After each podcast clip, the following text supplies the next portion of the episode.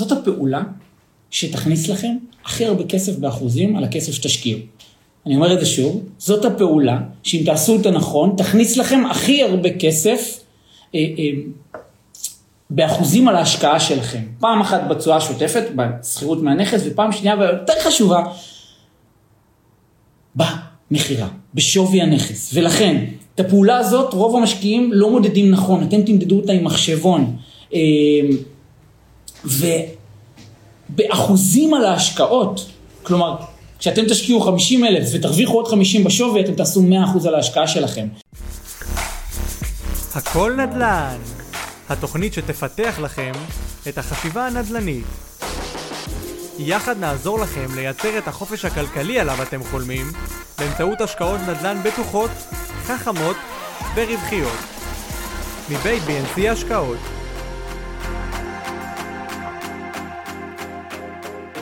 שלוש פעולות שיכולות להעלות את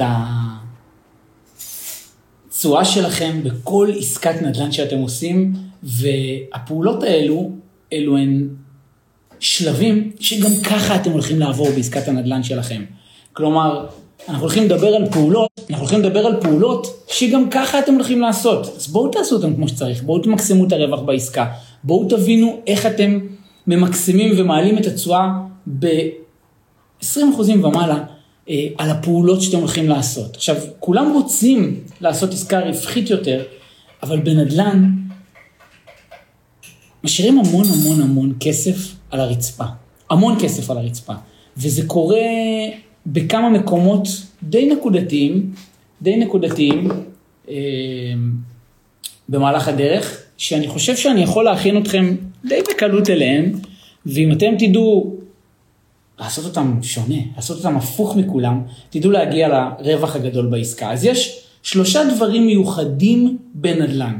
אחד, אתם שולטים בשווי הנכס כשאתם מחזיקים אותו, בסדר? למשל, אתם מחזיקים מניות, אתם מחזיקים ביטקוין, אתם אה, מחזיקים whatever, לא משנה מה אתם מחזיקים, אה, אין לכם שליטה בשווי. השוק קובע לכם את השווי, בנדל"ן אתם קובעים את השווי, יכולים לקבוע את השווי בזמן ההחזקה, אנחנו נדבר על זה, אנחנו נדבר על אה, אה, השלב השני או הפעולה השנייה היא שליטה בשווי הרכישה, יש לכם שליטה ב-day one ברגע הכניסה לעסקה, והשלב השלישי זה פעולה שאנחנו נדבר עליה, שבצורה חכמה אתם יכולים בשימוש בפעולה אחת, פעולה אחת שיכולה להכפיל ואולי אפילו לשלש את התשואות שלכם, אבל על זה נדבר בסוף הלייב. אז, אלו הם בעצם שלושה שלבים שאני אדבר עליהם בלייב הקרוב, שאתם חייבים לעבור גם ככה בכל עסקת נדל"ן שאתם עושים, ואני אתן לכם לכל שלב כזה שניים או שלושה טיפים, שאני מבטיח לכם שהולכים לשנות את כל התמונה,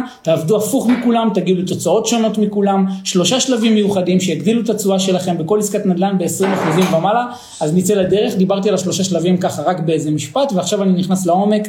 אה, נוי ערב טוב, כל מי שהצטרף עכשיו ערב טוב, אני אה, מדבר על שלושה שלבים, שלוש פעולות שכל מי שעושה עסקת נדל"ן אה, עובר גם ככה, אני רוצה שאתם תדעו איך להוציא מהשלבים האלה את המקסימום ולהגדיל את התשואה בצורה משמעותית, ואני לא הולך לעשות את זה לפי סדר כרונולוגי של עסקת נדל"ן, הפעולה הראשונה שאני רוצה לדבר עליה היא אה, אה, דווקא השבחה. בואו נתחיל דווקא משלב ההשבחה, מה שכולם חושבים שהוא שיפוץ קומפלט ומסתכלים עליו, לא נכון. אני רוצה שאתם תסתכלו עליו הפוך לגמרי.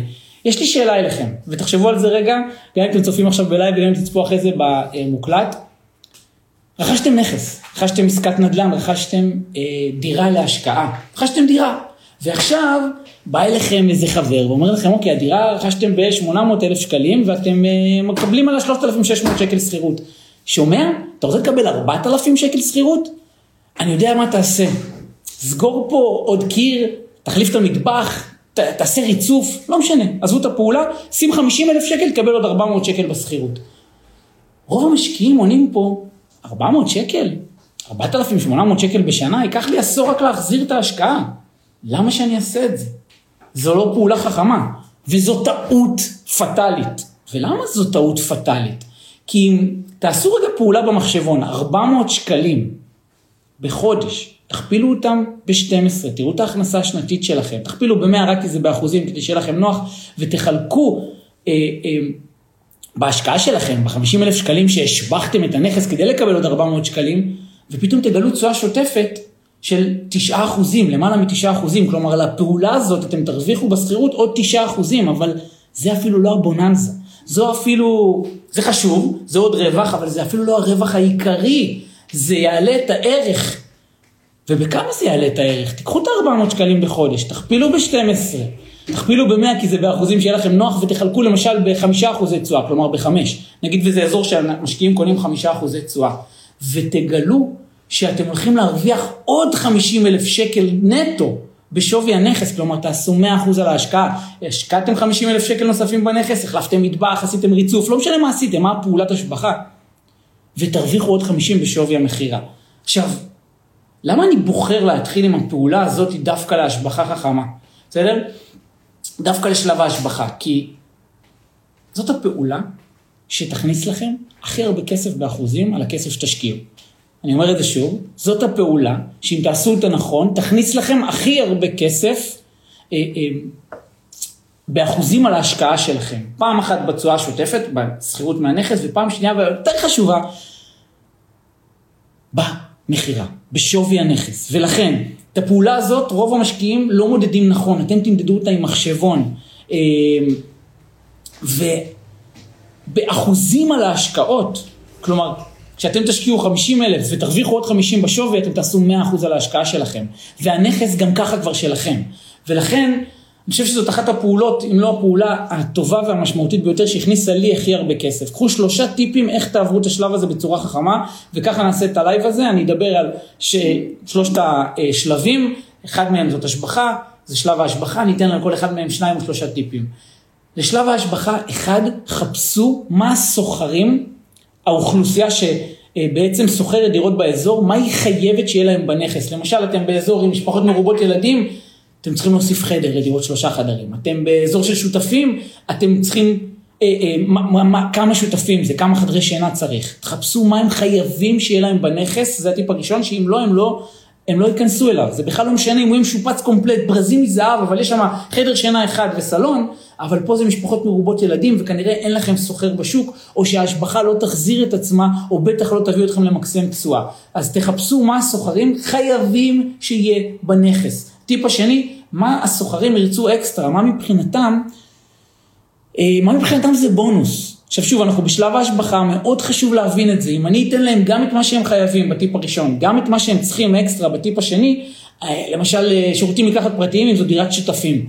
אז יהיה מאוד קל להשיג את העוד 400 שקלים האלה, כמו בדוגמה שלנו, שייתנו לנו עוד 9% תשואה בתשואה השוטפת, בדוגמה שהבאתי, על ה-50 אלף שקל השקעה, ועוד 100% אה, בשווי הנכס. הטיפ השלישי, תלמדו את הערך המוסף בשוק הספציפי שבחרתם לשלב ההשבחה. למשל, יש דירות סוג מסוים של דירות גדולות באזור. דירות שבהן אה, יש, אה, בסגירת קיר אתם מוסיפים חדר. שוב, אם האזור תומך בזה, או סוחרים צריכים את זה. ולכן בעצם שלושה טיפים לשלב הזה, חפשו מה הסוחרים חייבים שיהיה להם בנכס, אם לא הם לא ייכנסו אליו אפילו למגורים, מה מבחינתם זה אקסטרה בונוס, ומה באזור הספציפי שבחרתם, מה הערך המוסף בסוג מסוים של נכסים. אה, אה, אני אזרוק לכם פה ככה עוד מהר, אבל אם תתפסו את זה זה לא נורא. הפעולות המרכזיות לשלב ההשבחה יכול להיות כמובן שיפוץ קומפלט, יכול להיות הוספת חדר בסגירת קיר, יכול להיות אה, אה, הוספת ריהוט בנכס, יכול להיות הוספת שירותים מקלחת באזור של שותפים, ויכול להיות אפילו החלפת דייר, דייר מסוג אחד לסוג אחר, מחבר'ה ש... אה, אה, לא יודע, משפחות באזור לשותפים, מ... אה, אה, ממשפחות באזור לקבלנים ששמים את הפועלים אה, אה, שלהם בנכס, בסדר? ולכן, אם אתם תתחילו למדוד את הפעולה הזאת בתשואה השוטפת ובתשואה במכירה, כמו שאמרנו, למשל אתם מוסיפים, אתם משביחים את הנכס ב-50 אלף שקלים ומקבלים עוד 400 שקל בשכירות. תחשבו, 400 כפול 12 חלקי 50 אלף, כמה תשואה שוטפת אני עושה על ההשקעה שלי בשלב ההשבחה. ואותו דבר למכירה, 400 כפול 12 ההכנסה השנתית, חלקי התשואה שבה נמכרות דירות באזור, למשל חלקי 5, ותראו שהעליתם את שווי הנכס פלאים, אתם הולכים לעשות 100% על הכסף שלכם. אתם הולכים להרוויח עוד 50 אלף שקל בשווי שלו. ולכן פעולת ההשבחה, תהיו שונים מכולם, תעבדו הפוך מכולם, תזכרו את זה. שלב ההשבחה זה השלב שיכניס לכם הכי הרבה כסף באחוזים על ההשקעה שלכם. ולכן תמדדו אותו, כמו שאמרתי עד עכשיו, בצורה שוטפת ותשואה במכירה. זה השלב הראשון, אני מקווה שעליו סימנו וי. נכון, זה לא בסדר הכרונולוגי של עסקת נדל"ן, אבל דווקא בחרתי להתחיל איתו, כי לדעתי הוא השלב הכי קל לביצוע הנכס גם ככה שלכם כבר, ואם תעשו אותו חכם, תגדילו את התשואות שלכם בצורה משמעותית. השלב השני, שאני רוצה לדבר עליו ולתת עליו שלושה טיפים, הוא בעצם שלב הרכישה. שלב הרכישה. ולמה זה שלב סופר חשוב וסופר אקוטי? כי אין תחום, אין תחום, אין תחום שאתם יכולים להשפיע כבר ברגע הרכישה על התשואות שלכם ועל הרווחים שלכם. שוב, לא שוק ההון, לא חביות וויסקי, הטרנד החדש, לא ביטקוין, לא שום דבר. אתם לא יכולים להשקיע, אה, להשפיע, סליחה, על התשואות שלכם בשום השקעה אלטרנטיבית אחרת כמו בנדל"ן. ולמה? כי יש, יש לזה דרך אגב הרבה סיבות, אבל הסיבה המרכזית היא כי יש מישהו בצד השני, מוכר, שמושפע מדברים לא כמו מחשב, שבו אתם רואים כמה קונים יש, כמה מוכרים, מה השווי של המניה, יופי, זה מה שאני יכול לקנות אותה. ואם אתם תעבדו הפוך מכולם, תפסיקו לחפש את הדירה המושלמת, את הנכס המושלם, חפשו את המוכר הנכון, אז תגיעו כבר פה לתוצאות שהרוב לא יכולים להגיע אליהם ולא יגיעו אליהם אף פעם. למה? כי אתם יכולים להשפיע. עכשיו, שלושה טיפים לשלב הזה. זכרו את שלושת השלבים האלה שאני מדבר עליהם, גם ההשבחה, גם הרכישה וגם הפעולה השלישית שתכף נדבר עליה, אתם הולכים לעבור גם ככה שתעשו עסקת נדל"ן. לפחות תעשו אותם חכם, תגדילו את התשואות שלכם במספרים דו-ספרתיים ותגיעו לתשואה משמעותית. אז, שלושה טיפים, איך בשלב הרכישה אתם משפיעים על התשואה שלכם ומגיעים לתשואות שהרוב לא יגיעו. אחד, תתחילו מלחפש כל הזמן את סיבת המכירה. המוכר בצד השני, יש סיבה שהוא החליט למכור את הנכס. אז פעם אחת הוא יכול לפרסם, כי שכן שלו שמע שהוא מכר ב-700 והוא רוצה לפרסם ב-750, אין לו לאיפה לעבור, הוא לא יעבור, וכנראה שהוא לא ימכור אף פעם, גם אם הוא יקבל יותר מזה. פעם שנייה, אולי הוא כבר קנה דירה אחרת, אולי הוא מתגרש, אולי זו דירת ירושה, כל כך הרבה סיבות. חפשו את סיבת המכירה. הטיפ השני, דמיינו כמו ברומטר של חום, בסדר? ותתחילו למדוד את החום במרכאות של המוכר. מה, מה, מה הכוונה פה? ואני אנסה לעשות את זה קל, פשוט וקולע. אני אומר לכם שזאת נקודה אקוטית, משמעותית, כי היא משפיעה אם תצליחו לרכוש את הנכס או לא במחיר נכון. המוכר, כשהוא מעלה את הנכס, לדוגמה ביום הראשון ליד שתיים ב-700 אלף שקלים, אם אתה תיכנס, אני כטל בוים אני אכנס, אדפוק בדלת, אגיד שלום, ראיתי את הדירה, אני רוצה לקנות ב-700, יש סיכוי לא מבוטל שלא תצליחו לסגור עסקה. המוכר לא בשל, הוא ירגיש שהוא מכר בזול מדי, שהוא פרסום בזול מדי. נתתם הצעה למוכר בשלב הלא נכון. אתם לא מאמינים, אנחנו בין העסקה הראשונה לשנייה, כמעט פרשנו מעולם הנדל"ן, כמעט הפסקנו אחרי עסקה ראשונה מוצלחת, בגלל שלא ידענו לתת הצעות מחיר בזמן הנכון. ולכן הטיפ השני שלי אליכם, אחרי הטיפ הראשון לשלב הרכישה, זהו את סטטוס המוכר, את הברומטר של החום שלו. איך אתם עושים את זה? על ידי הבנה כמה זמן הנכס פורסם למכירה, האם הוא קיבל הצעות רכישה בעבר, כן או לא, הצעות מחיר, אה, כמה קונים כבר ראו אותו וכולי, בעצם תנסו לדמיין את זה בין מישהו קר מאוד, הוא פרסם היום, עוד לא ראו אותו, הוא עוד לא מבין, עוד לא עבר הנגלה הראשונה של כל המתווכים שמתקשרים, הוא בטוח שהוא פרסם בזול מדי, אתם לא יכולים לתת פה הצעת מחיר, בסדר? זה גם כמובן מתחבר לטיפ הראשון, תזהו למה הוא מוכר, עכשיו תזהו מה הסטטוס שלו, כמה חם הוא, ותחלקו את זה לקר, בינוני, וסטייק שמישהו בישל ואתם כבר יכולים, רק צריכים לקחת אותו מהמחבת. השלב שבו אתם צריכים לתת הצעת רכישה טובה, אחרי שזיהיתם את סיבת המכירה, אתם מבינים שהסטטוס הוא איפה שהוא כבר מתקדם, הוא כבר קיבל הצעות, הוא כבר, קונים אחרים ראו את הנכס, הוא כבר מבין שעבר הגל של המתווכים וכולם הבטיחו לו ערים וגבעות וזה לאו דווקא קרה, ולכן תחפשו את הסטטוס ותוסיפו לכם פה עוד טיפ אחד קטן לדבר הספציפי הזה, תבדקו למתי הוא צריך את הכסף. על פי סיבת המכירה אתם תדעו למתי הוא צריך את הכסף ואז תוכלו להשלים תמונה. הטיפ השלישי שמתחבר לשני הטיפים הראשונים, תנו הצעת מחיר בזמן הנכון ובצו פולו-אפ. אני, אין לי איך לחדד כמה חשוב הדבר הזה, חוץ מלהגיד לכם שאנחנו בין העסקה הראשונה לשנייה, אחרי העסקה הראשונה, אנחנו רצינו לטרוף את העולם, ראינו מלא דירות, נתנו מלא הצעות מחיר, כלום לא נסגר. למה? לא בגלל ש... אה, אה, לא בגלל שזה היה מזל של מתחילים, ולא בגלל שום דבר. בגלל שפשוט עבדנו לא נכון. נתנו הצעות מחיר לא בזמן הנכון, לא, לא בסטטוס הנכון של המוכר, ולא ביצענו פולו-אפ, בסדר? אז שלושת הטיפים לרכישה, שבתחום היחיד שאתם יכולים באמת להשפיע על המחיר, שלושת הטיפים זה סיבת המכירה, אתם חייבים למצוא אותה, סטטוס המוכר, קר, בינוני, מישהו שכבר מוכן לקבל הצעות ואפשר לסגור אותו, ולתת הצעות מחיר בזמן הנכון, ולבצע פולו-אפ. הוא לא יזכור אתכם, אתם צריכים להיות שם שוב ושוב ושוב ושוב ושוב. עינת,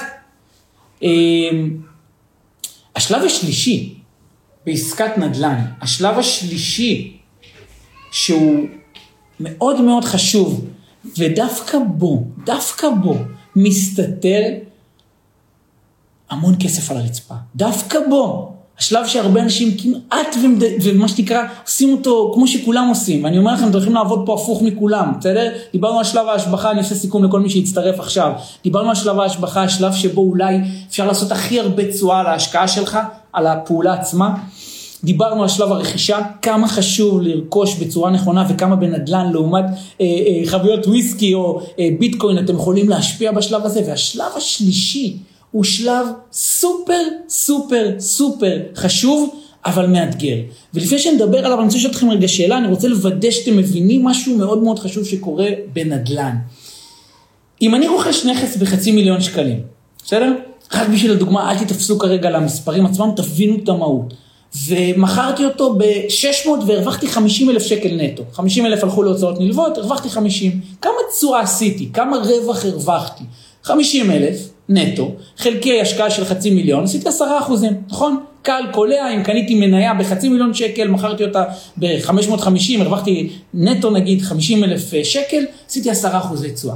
אבל רגע, רגע, רגע, אם רכשתי את הנכס הזה עם 150 אלף שקלים הון עצמי ו-350 אלף שקל מהבנק, והרווחתי 40 אלף שקל רק נטו, בסדר? 10 אלף שקל הלכו לריביות. סתם בשביל הדוגמה, אל תתפסו למספרים. הרווחתי על ה-150 אלף שקלים 40, כלומר 40 אלף שקלים חלקי 150 אלף שקל הון עצמי, 40 אלף נטו, עשיתי למעלה מ-25 אחוזי תשואה על ההון העצמי שלי.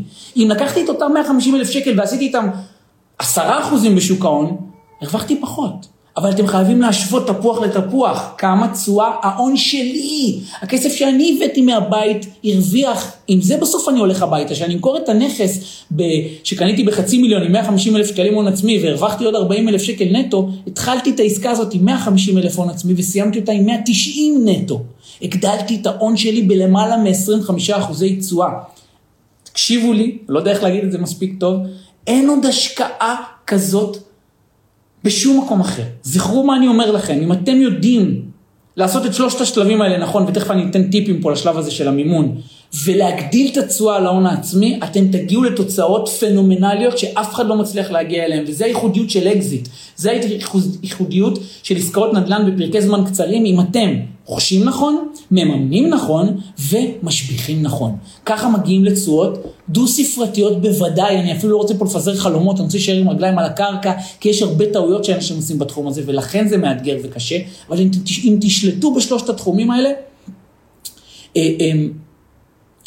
אתם תגיעו לתוצאות שהרוב לא מגיעים אליהם. עכשיו מישהו שאל אותי מקודם על הרכישה, אם עבר זמן והלקוח אה, התחמם, מה הסיכוי שאני אתן הצעה שתהיה משתלמת עבורי והוא לא יקבל הצעה טובה יותר. אז הסיכוי הוא הרבה יותר גדול ממה שאתה, או אה, זוכר את השם, אה, שאל.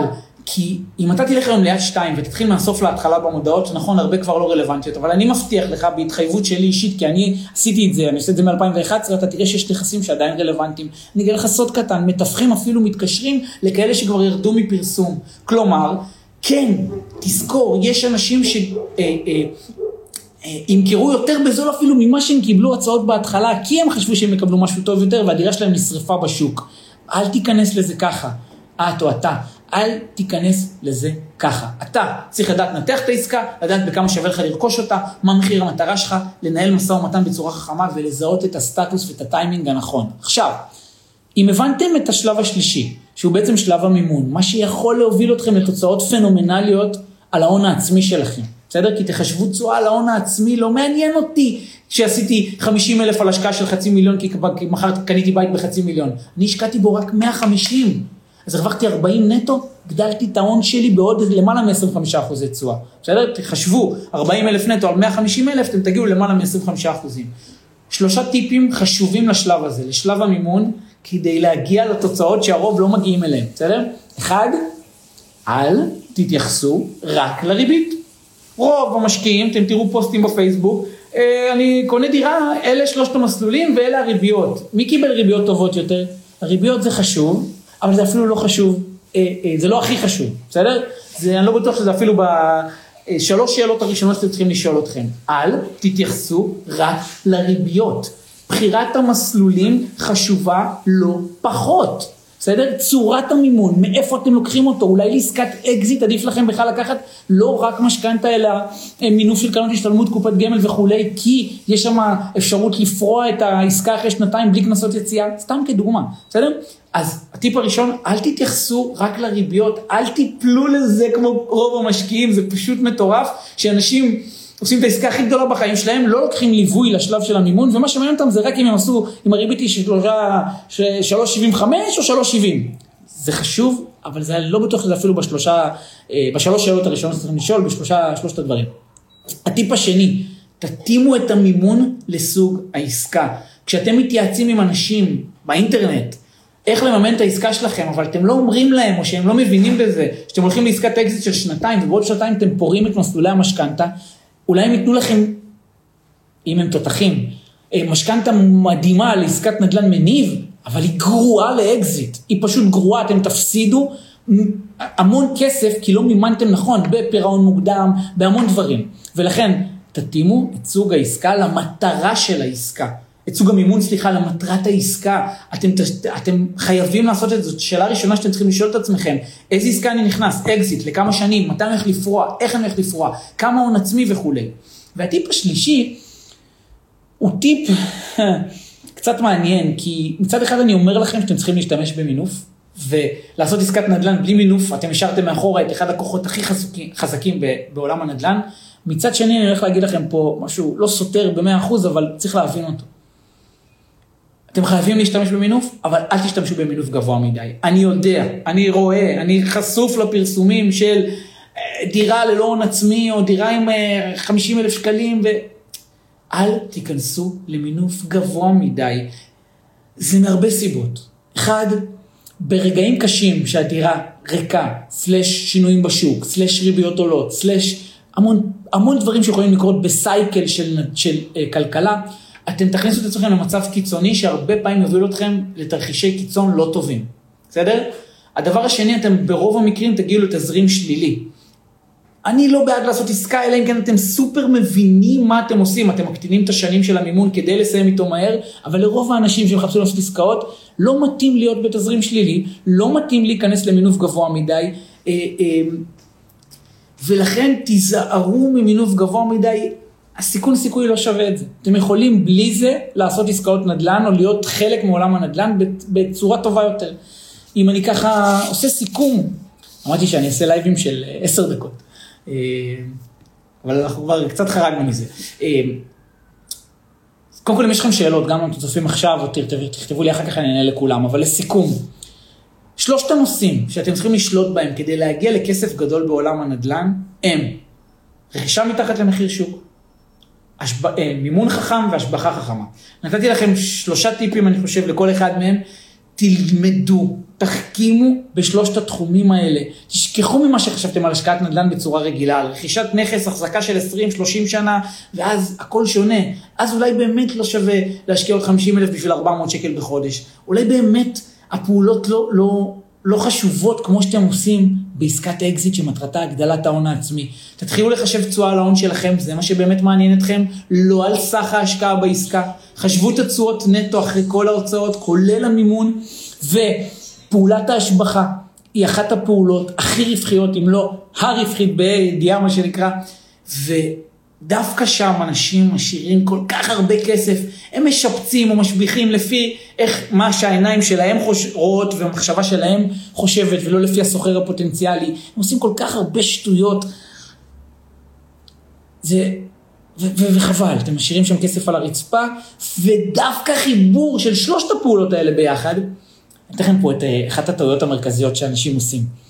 שהם רוצים לעשות אקזיטים, הם מחפשים דירה שבמצב הנוכחי שלה הם יוכלו לקנות אותה בחצי מיליון ולמכור אותה ב-700 אלף כדי שיהיה להם 100 אלף שקל רווח נטו. זה קשה מדי, זה מאתגר מדי, זה קורה אחת למיליון. אבל לקנות דירה שעולה חצי מיליון, הייתי צריך להתחיל עם זה עליי, אה, ששווה נגיד, אה, לא יודע מה, חצי מיליון שקל, לקנות אותה רק ב-50 אלף שקל פחות.